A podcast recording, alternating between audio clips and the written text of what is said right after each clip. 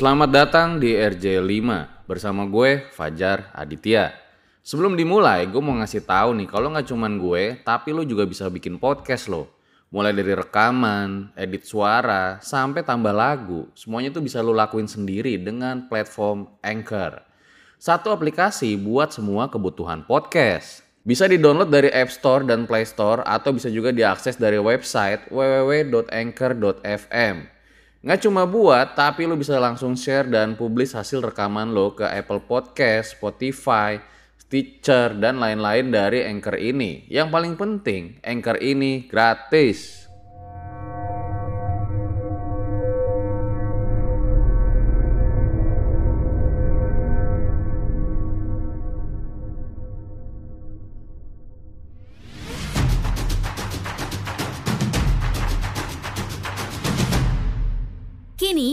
Podcast Network. kalau dari denger-denger teman-teman tuh wujudnya kayak dia pakai eh, baju adat Palembang. Eh, kalau nikahan orang Palembang gimana sih kalau yang cewek kayak gitu? Oh, kayak gitu. Jadi gitu. Tapi cuma beberapa orang aja yang bisa eh, connect lah sama eh, ratu itu. Tapi bentar nih, perkebunan karet ada sungainya lagi. Ya itu. Kok mirip cerita yang perkebunan karet ya? Saya juga awalnya kaget loh. Bukannya Bayu nggak bisa berenang. Gak tahu itu udah rame di sungai gitu. Saya udah habis itu saya eh, kaget, saya panik, saya lari nih mas. Saya lari. Oh ngelihatnya kepala Bayu di sungai. Iya, kan lagi nyenter-nyenter gini. Anjir merinding gua. Habis itu dikejar mas. Minta tolong gini. Minta tolong kayak gini. Ya kayak awal dia tenggelam tadi. Akhirnya cuma itu potongan pohon pisang. Ternyata bukan kepala. Tapi orang-orang ngelihatnya itu Tiga kepala orang Bayu. itu kepala Bayu. Om Mamat, obrolan malam Jumat. Kembali lagi bersama gua Fajar Aditya, kali ini di Om Mamat season 3. Kamu yang takut atau mereka yang lari.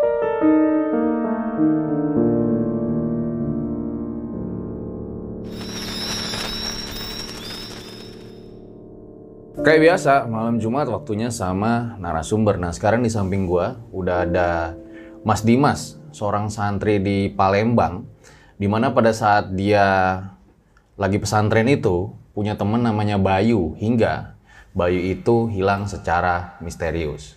Selamat malam Mas Dimas. Malam Itu kejadian tahun berapa?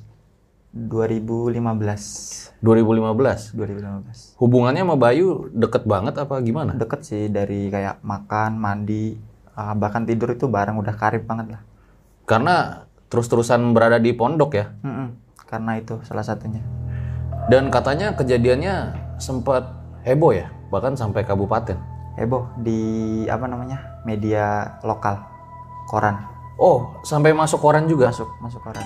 atas kejadian Bayu ini. Mm. So, gue rasa langsung saja berikut adalah ceritanya. Boleh diceritakan mas, awal masuk pesantren itu kapan?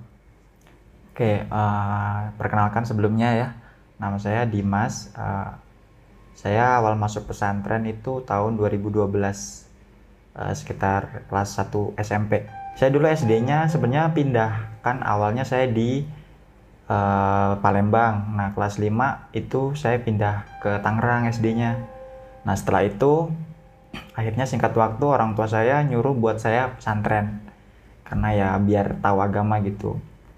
Lalu setelah itu saya masuk pesantren nih di daerah Palembang. Eh, kalau dari kota itu sekitar 4 kiloan, eh 4 jam, 4 jam. Berarti masih kayak daerah terpencil gitu? Terpencil banget. Bisa dibilang terpencil banget sih, Banget. banget.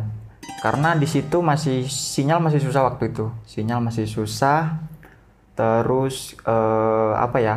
Jalan juga masih waktu itu jelek banget sih, jelek banget. Itu masih banyak kayak kebun-kebun gitu? Banyak karena di dekat pesantren itu bahkan samping-sampingnya kebun.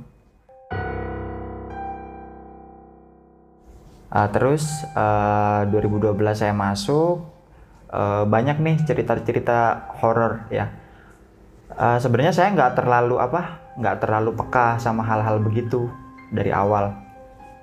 Maksudnya bodoh amat lah gitu sama hal-hal begitu. Nah, tapi uh, seiring berjalannya waktu, udah sering sama teman-teman di situ, uh, banyaklah cerita-cerita yang uh, saya dengar, ya kayak uh, setan tangan, terus kepala, banyak lah pokoknya ada suara-suara juga di asrama gitu. Setan tangan gimana? Waktu itu uh, di ada sebuah uh, toilet ya mas ya, toilet di pesantren. Itu toiletnya lumayan jauh sih dari pemukiman pesantren sekitar 500 meter lah jauh agak di hutan-hutan gitu nah setelah itu di uh, di toilet itu tuh ada di dinding ada tulisan STMJ STMJ awalnya saya nggak tahu awalnya saya nggak tahu. Terus lama kelamaan saya tahu dari teman-teman tuh kepanjangannya tuh setan tangan mulai jedul. Itu kalau bahasa Indonesia-nya kan uh, setan tangan mulai hadir gitu.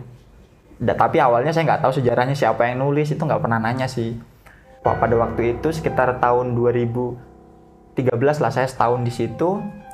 Pada suatu malam hari ya jam 3-an lah kalau salah jam 3-an hampir subuh itu saya uh, kebelet BAB waktu itu kebelet BAB waktu itu masih kecil kan. Jadi takut terus coba bangunin temen. Nggak ada yang bangun bangunin pengurus nggak ada yang bangun. Akhirnya nekat sendiri ke sana.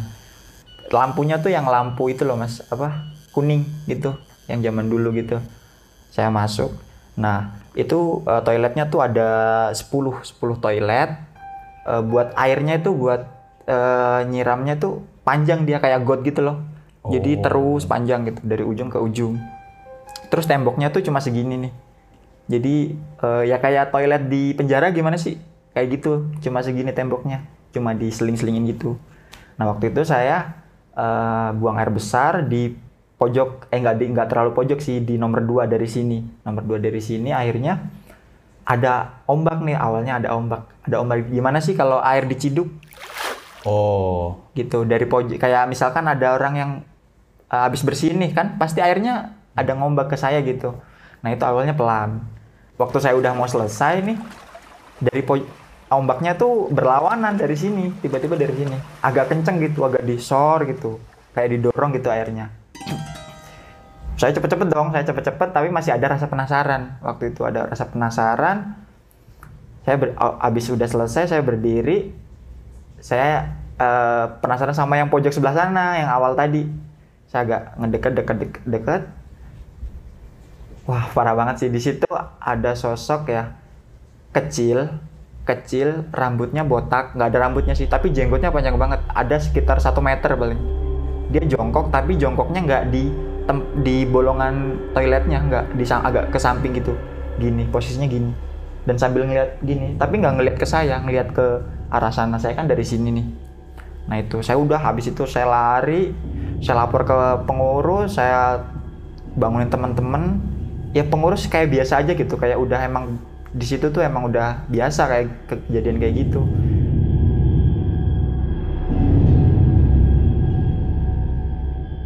Saya juga yang nggak peka yang maksudnya nggak terlalu uh, suka-suka kayak gitu saya bilang orang tua saya saya mau pindah gitu. Saya nggak saya nggak betah di sini ya saya ceritain juga ke orang tua saya. Trauma lihat yang tadi tuh? Uh, trauma banget. Jujur ya mas saya baru pertama itu sih ngeliat kayak bener-bener nyata dan baru ini spek up ke ya ke pub, dipublish lah gitu. Akhirnya saya bilang orang tua saya orang tua saya orang tua saya cuma iya iya aja. Tapi setelah sekian lama akhirnya nggak jadi nggak jadi nggak boleh pindah tetap nggak boleh pindah. Itu yang awal jadi setan tangan itu yang tadi yang botak itu kemungkinan sih iya kemungkinan sih iya cuma pas saya ngelihat di pojok itu wujudnya nggak cuma tangan sih dia utuh utuh gitu. Karena di pesantren terkenal ada namanya Mbah Jenggot. Mbah Jenggot itu penunggu kali situ. Itu jadi WC deket kali? Deket kali. Jadi ini uh, asrama nih pemukiman pesantren 500 meter, toilet, terus ada turunan lagi agak masuk ke hutan gitu. Oh. Sekitar 500 meter lagi baru sungainya. Jadi masih hutan itu? Kebun karet sih. Tapi masih jarang banget waktu itu di situ. Kebun karet gitu kayak punya warga-warga tapi warganya agak jauh kebun karet gede kebunnya banyak banget kebun karetnya hampir menyeluruh kan di sana rata-rata kebun karet uh, jangan-jangan yang cerita gua perkebunan karet tuh Terus gimana mas? Terus Abis ngalamin itu nggak mau lagi ke WC malam-malam? Eh, enggak, iya. Saya trauma banget, saya trauma banget waktu itu. Akhirnya seiring berjalannya waktu lah ya. Tapi saya biasain nggak malam, nggak ke WC gitu. Cuma siang apa sore. Mak- Mentok-mentok jam 8 lah habis sisa gitu. Terus ada lagi cerita, enggak sih saya juga ngalami sendiri tuh. Kan saya ada di asrama, eh, sebutlah Sunan Kalijaga gitu. Di asrama Sunan Kalijaga. Nah itu kan, kan ada dua tingkat kan mas. Ada dua tingkat di bawah eh, lima kamar, di atas lima kamar. Dan bangunannya tuh masih kuno banget itu loh. Masih kuno dalam artian kayak eh, dari metode pembangunannya tuh masih tradisional banget. Nggak, nggak dialusin, cuma di... Tapi tebel banget gitu temboknya yang zaman-zaman dulu lah. Dan itu eh, dak, dak semennya di atas itu bukan semen dia, kayu. Kayak kayu jati gitu. Jadi kalau ada orang jalan tuh denger, kedengeran dari atas. Itu total berapa orang di pondok itu? Ribuan mas. Ribuan. ribuan. Kalau dari santri putri sekitar 700, kalau dari putra sekitar 300 waktu itulah. Kamarnya tapi 55. Ada banyak, asramanya ada banyak. Oh, jadi Mas ini tinggal di satu Ah, asramanya. yang namanya Sunan Kalijaga Oke. gitu. Nah, yang Mas asramanya ada berapa orang? Eh, kalau waktu itu saya eh, di eh, satu satu kamar diisi 10 orang. Satu kamar 10. Ah, Empat kali empat.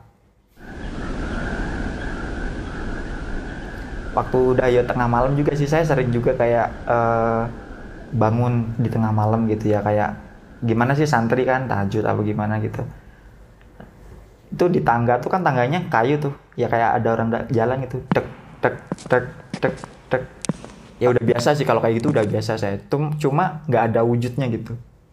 Emang penunggunya di asrama itu itu salah satu eh, apa namanya yang benar-benar eh, ngebuat saya ya agak Itu masih lihat tuh. Jadi ada suaranya di tangga, tapi nggak ada wujudnya. nggak ada beneran. Saya Di soalnya malam itu? Ah, di malam itu. Soalnya saya tidurnya waktu itu juga di depan kamar kan. Karena di dalam kamar kamu muat akhirnya ngalah lah yang eh, sebagian di luar. Jadi pada waktu itu pas tidur saya liatin juga tuh. Tangganya saya liatin. Ini udah mulai nih. Dari atas awalnya. Dak dak dak dak sampai tangga dak dak sampai nggak sampai tangga terakhir tapi dak hilang suaranya. Habis itu ke at- dari atas lagi dak dak dak udah sering kalau kayak gitu. Hampir semua santri ngakuin lah kalau yang suara-suara kayak gitu. Eh, pesantrennya tuh udah sekitar eh, 50 tahun lah. Udah ada kalau dihitung dari awal dibuka gitu. Soalnya kan kayak eh, apa namanya pendiri pesantrennya itu kayak yang membuka babatan tanah di situ gitu loh. Oke. gitu. Jadi eh, awal mula yang buka tanah di situ. Nah singkat cerita ini ada nih yang nama yaitu kali tadi itu sebut aja kali sanca ya. Kali sanca itu sekitar 500 meter dari toilet. Kalau dari pemukiman pesantren itu sekitar satu kilo lah satu kilo. Nah sungai sanca itu mitosnya dulu itu adalah sebuah ular ada se- adalah sebuah ular yang berhasil dikalahin nih sama pendiri pesantren di situ. Mitosnya. mitosnya. Cuma kan belum tahu kebenarannya gitu. Ah, mitosnya kayak gitu akhirnya jadilah dia kali. Sungai gitu jadi sungai. Akhirnya eh, ada perjanjian dari mereka gitulah. Kalau setiap tahun pasti akan bakal ada tumbal. gitu. Dan emang bener-bener kejadian Eh, korbannya tuh nggak cuma dari pesantren aja kadang-kadang ada dari masyarakat yang di sekitaran samping-samping kali gitulah gitu Oke, tadi kan Mas Dimas nih bilang ya, daerahnya itu terpencil banget. Bisa dijelasin nggak lebih detail? Maksudnya terpencil banget tuh gimana? Uh, jadi kayak kalau misalkan kita nih, kalau dari Sumatera Selatan kan Palembang nih yang terkenal. Jadi dia tuh masih 4 jam gitu, masih 4 jam dan jalannya kayak masih batu-batu, batu terus tanahnya masih banyak airnya gitu. Ya masuk-masuk gitu. Dan pada waktu itu emang akses ke pesantren itu masih susah pada waktu itu.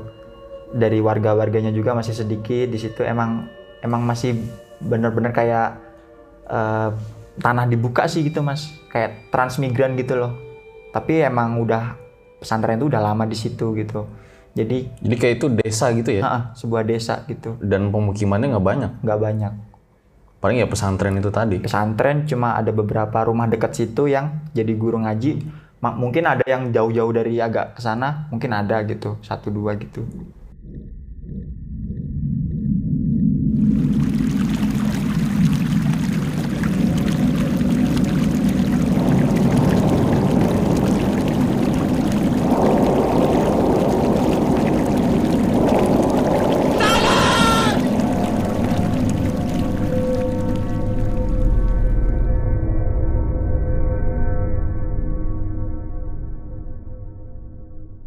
Hai, sebelum lanjut, kenalan dulu yuk sama partner misteri gua. Namanya Anchor. Anchor ini adalah all-in-one podcast editing platform yang membuat gue lebih mudah untuk rekaman, edit suara, tambah lagu, dan segala hal dalam pembuatan podcast yang sedang kamu dengerin kali ini. Anchor bisa ngebantu kamu bikin podcast kamu sendiri. Caranya tinggal download dari App Store dan Play Store. Atau bisa juga diakses di www.anchor.fm. Jadi download Anchor sekarang juga.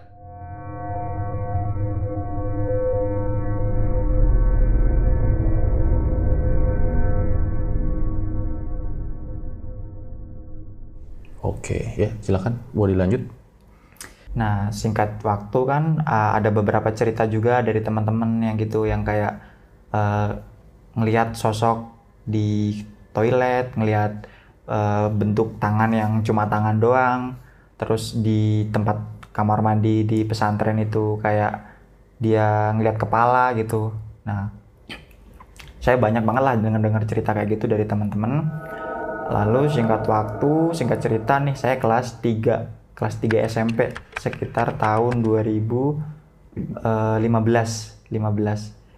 2015 eh, saya bertemu dengan yang namanya Bayu ini Mas yang namanya Bayu dia masuk di kelas 1 SMA kayak kayak saya hitungannya berarti adik adik adik adik kelasnya gitu ya nah setelah itu saya akrab nih sama dia berawal dari ya dia masuk di pesantren kan kita sering berbaur gitu Bayu orangnya kayak gimana?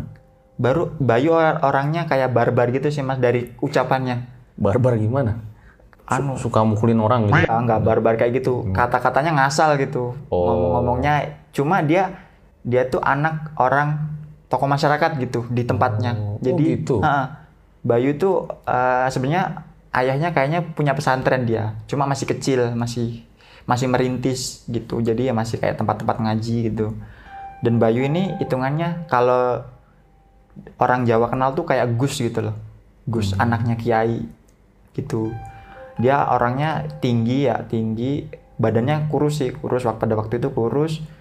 Eh, tingkahnya juga eh, beda beda dari yang lain tuh dalam artian dia tuh kayak di pesantren tuh nggak takut nggak takut sama peraturan peraturan dia bodoh amat gitu Rebel ya. Heeh, gitu jadi ya saya juga klop sih sama dia klop kayak Rebel juga. Enggak, maksudnya saya kayak asik aja sih sama dia ngobrol-ngobrol gitu karena dia ngobrol-ngobrolnya di agama kuat gitu.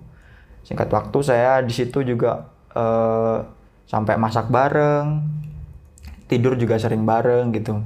Mau ke mana-mana kan kalau lingkup pesantren kan terbatas ya mas, jadi ya sehari-harinya sama dia lah gitu, jadi paham banget. Jadi setiap hari di pesantren terus ya? di pesantren terus. Cuma keluar paling di sekolah. Sekolah pun nggak jauh dari pesantren gitu. Jadi habis itu langsung masuk pesantren lagi. Jadi berbaurnya udah udah itu banget lah sama eh, bertemannya gitu. Kalau boleh tahu, biasanya di pesantren itu paginya sekolah gitu ya. Mm-mm, paginya sekolah. Sampai siang atau sore. sampai siang. Ah, sampai siang. Ah, duhur itu pulang. Duhur Ah, itu pulang. Setelah itu? Setelah itu kita istirahat. Habis duhuran kita istirahat nanti jam 3 mulai ngaji nih. Mulai ngaji sampai asar ab- habis asar ngaji lagi nunggu maghrib sambil makan habis maghrib ngaji lagi habis ngisa ngaji lagi sampai jam 11 jam 11 itu baru istirahat. Dan itu rutinitas ya. rutinitas setiap hari kayak gitu. Saya di pesantren dulu cuma Bayu ini ya sering kayak eh, apa namanya nggak ngikut ngaji gitu. Sering bolos lah. Ah pada singkat ceritanya ud- saya udah mulai gak deket nih mas sama Bayu. Mungkin dia dia punya ada teman baru lah kayak yang namanya di pesantren. Kan banyak nih teman. Saya juga eh, mungkin sibuk sama urusan saya apa gimana sama sekolah saya kayaknya udah agak renggang gitu pada waktu itu asramanya beda saya nih saya di asrama Kalijogo dia di Sunan Giri gitu Nah, Sunan Giri itu asramanya lebih besar, paling besar, paling besar di di pesantren saya. Yang di atas itu eh, 10 kamar, di bawah 10 kamar. Dan di situ asrama itu yang paling terkenal angker. Karena yang pertama eh, penghuninya sedikit, Mas. Yang di bawah itu yang menghuni cuma tiga kamar. Dan itu mencar-mencar gitu. Di atas itu cuma Bayu aja, Bayu aja. Karena Bayu nggak pernah takut sama yang hal-hal mistis kayak gitu. Sendiri doang. sendiri doang. Dia sendiri doang di situ. Jadi saya sering main sih waktu itu di situ. Itu itu bangunnya juga sama. Di atas itu eh daknya bukan semen kayu juga. Tapi udah kropos karena udah nggak keurus kan karena nggak ada yang menghuni gitu. Oh, jadi bisa dibilang ini bangunan yang sebetulnya udah lebih buruk dibanding yang lain ya? iya bener bisa dibilang kayak gitu. Harus udah harus udah ganti sih harusnya. Udah udah dimakan rayap gitu dan terkenal angkernya ya karena eh, yang pertama banyak yang kosong. Terus juga kata kata katanya nih tapi saya nggak nggak pernah ngalamin ya. Kalau ada santri yang lewat dari depan asrama tuh di atas ada sosok gitu. Kayak baju putih rambutnya panjang. Dia sering di pojokan asrama asrama Sunan Giri itu di pojokan gitu. Terus eh, singkat waktu saya akhirnya pindah nih mas.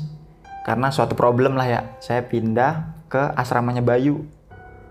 Dan saya memutuskan buat tinggal di sebelah kamarnya Bayu. Karena pada waktu itu yang lumayan masih bisa dihuni atau masih layak dihuni lah buat dari kayu-kayunya dari temboknya itu di sampingnya Bayu. Ini saya udah eh, lama di situ. Saya memutuskan buat tinggal di sampingnya Bayu udah kita tapi malah mulai renggang. Kayak masak udah nggak bareng dia udah mulai beli sendiri saya masak sendiri. Dari berangkat sekolah udah itu ya mungkin dia punya teman itu tadi.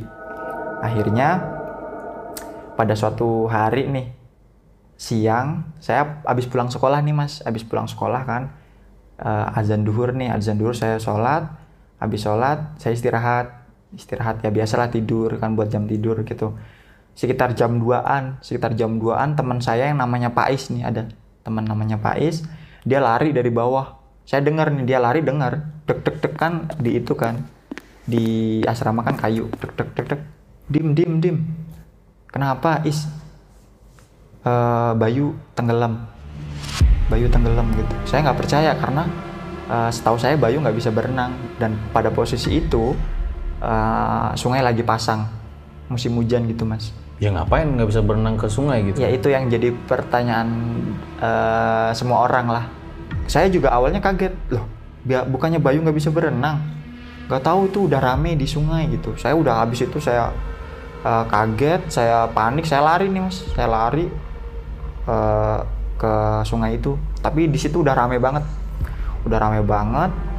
Saya udah belum sempet nanya, belum sempet nanya-nanya lah sama orang-orang di situ tapi udah pada itu udah pada nyari bantu nyari.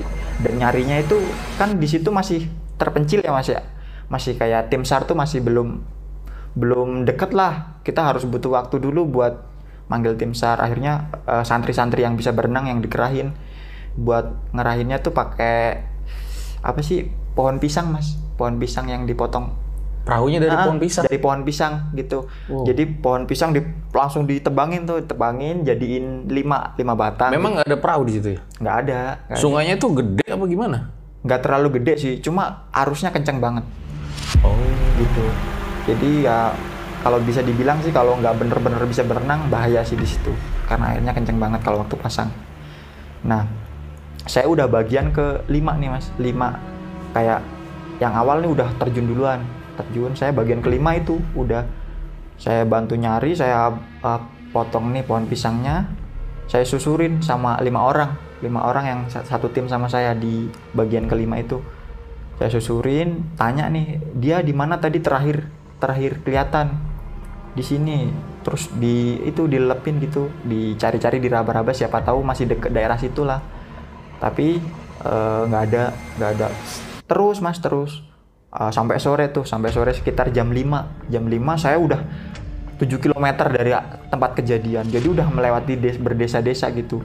Dan eh, orang-orang juga berhenti di situ. Dari yang eh, pertama nyari yang kedua yang ketiga tuh udah berhenti di situ. Karena udah nggak mungkin banget eh, menghanyutnya sampai situ. Itu di suatu jembatan mas. Jembatannya itu kayak udah kayak ambrol gitu loh. Nah, Sebentar, ini sungainya tuh hanya lurus aja atau ada turunannya? belok-belok sih dia. Oh, tapi nggak turun gitu ya? Enggak, enggak, enggak turun. Jadi lurus gitu. ya? Ah, lurus. Cuma dia kayak gitulah, kayak Banyak model- batu-batunya. enggak, kayu dia, kayu-kayu lancip gitu. Oh. Karena daerah itu kan banyak pohon-pohon tumbang kayak pohon karetnya tumbang ke kali gitu ke sungai. Nah itu sih bahayanya di situ. Nah akhirnya di eh, daerah jembatan yang roboh tadi orang-orang berhenti di situ tuh. Berhenti di situ saya eh, buat itulah kayak makan dulu, minum dulu kan dikirim nih dari pesantren dikasih makan di situ buat yang para pencari. Saya sempat nanya sama teman saya yang yang sama dia tadi, yang sama dia di kejadian tadi. Yang satu ikut nyari, kan dia tiga orang nih mas, tiga orang awalnya wak- waktu itu. Yang satu nyari, yang satu ikut nyari dia, yang satunya diinterogasi. Dia dibawa ke pesantren buat diinterogasi sama pihak pesantren. Saya saya dedes kan, saya sebagai teman dekat ya pa- panik lah. Kok bisa bukannya si Bayu nggak bisa berenang gitu Nah, saya bilang gitu. gimana tuh awal cerita Bayu bisa sampai tenggelam? Nah awalnya si Bayu kan mau masak mas, si Bayu mau masak bertiga sama dia tuh Siapa nih? si Taufik, si Taufik sama si Fikri, si Taufik sama si Fikri. Itu di asrama masaknya tuh. Enggak ya di dapur, di dapur pesantren lah. Nah dia tuh kekurangan cabe, kekurangan cabe. eh, dia langsung bertiga nih memutuskan buat nyari cabe di seberang sungai karena di seberang sungai itu masih banyak banget pohon-pohon kayak yang eh, liar gitu loh mas, yang kayak Ada pohon cabe. ada ada Tinggal ngambil gitu ya? Iya tinggal ngambil. Tapi biasanya ada juga sih yang ngawur di kebun orang ngambil gitu ada juga. Nggak tahu awalnya gimana. Akhirnya si si Bayu ini mau dia. Awalnya sih katanya ya katanya katanya si tem- dua temennya ini tadi si Bayu tuh eh, awalnya udah dilarang nggak usah lu nunggu di sini aja. Nanti gua yang berdua aja nih yang nyebrang. Tapi dia tetap ngeyel, temannya udah nyebrang, dia ikut nyebrang, Mas Memangnya dalam pas nyebrang? itu pas posisi sungai pasang. Kalau sungai udah pasang tuh udah ngeri banget. Emang nggak dibolehin banget sih di- dari pesantren buat eh, santri eh, berenang kalau waktu lagi pasang. Pasang tuh segimana kali? Udah dalam banget mas, bisa dua kali orang gitu lah. Oh. Sekitar 3 meter lah, 3 meter. Kok nekat Bayu ya? Ya itu mas, awal dia nggak pernah sama sekali dia mau ke ke sungai. Dari pengakuan tak dua temennya yang sama dia di kejadian itu katanya kayak gitu. Nah, terus eh, kronologisnya si Bayu tuh ikut nyebrang mas. Temennya kan udah sampai tengah nih, udah sampai tengah nyebrang. Si Bayu ikut nyemplung. Katanya, "Wih, Bayu, lu balik aja gitu." Kan udah sambil diomongin. Enggak, gue bisa nih, gue bisa nih katanya. Si temennya udah sampai udah sampai ujung, si Bayu sampai tengah nih mas. Awalnya ba- baik-baik aja, tiba-tiba dia keseret, keseret arus kayak gitu loh. Berenang tapi agak mundur lama-lama, mundur lama-lama. Temennya udah panik nih, udah mulai ngejar dari samping, kayak di dari tanggul, tanggul dari samping sungai itu ngejar di apa? Diulurin lah, kayak kayu gitu buat, tapi nggak bisa. Dia udah kepalanya udah tenggelam, muncul tenggelam, muncul tenggelam gitu udah kayak tolong-tolong lah gitu udah kayak kehilangan napas. Setelah itu sekitar eh, 20 meter, 20 meter dia hilang, hilang. Setelah muncul tenggelam udah nggak nggak itu lagi, nggak muncul lagi di permukaan. Itu yang muncul kepalanya aja ya? Kepalanya aja sama tangannya dikit lah, gitu. Oh, jadi selama kurang lebih ya, 20 meter itu Bayu muncul, tenggelam, muncul, tenggelam muncul terus. tenggelam gitu. Dari eh, pengakuan si dua temannya itu tadi. Nah itu tuh eh, sungainya tuh pas Bayu hilang tuh pas di pengkolan mas. Dibelokan gitu loh kan ada belokan gitu. Nah dari sini dia terus pas dari belokan sini dia hilang. Hilang gitu. Tuh kronologisnya begitu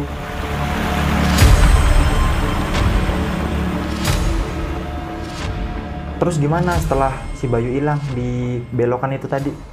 Udah gu- gua sama si Fikri nyari nyari. Tapi nggak nggak ada hasil. Setelah 30 menit setelah 30 menit gua sama Fikri baru lapor ke pesantren.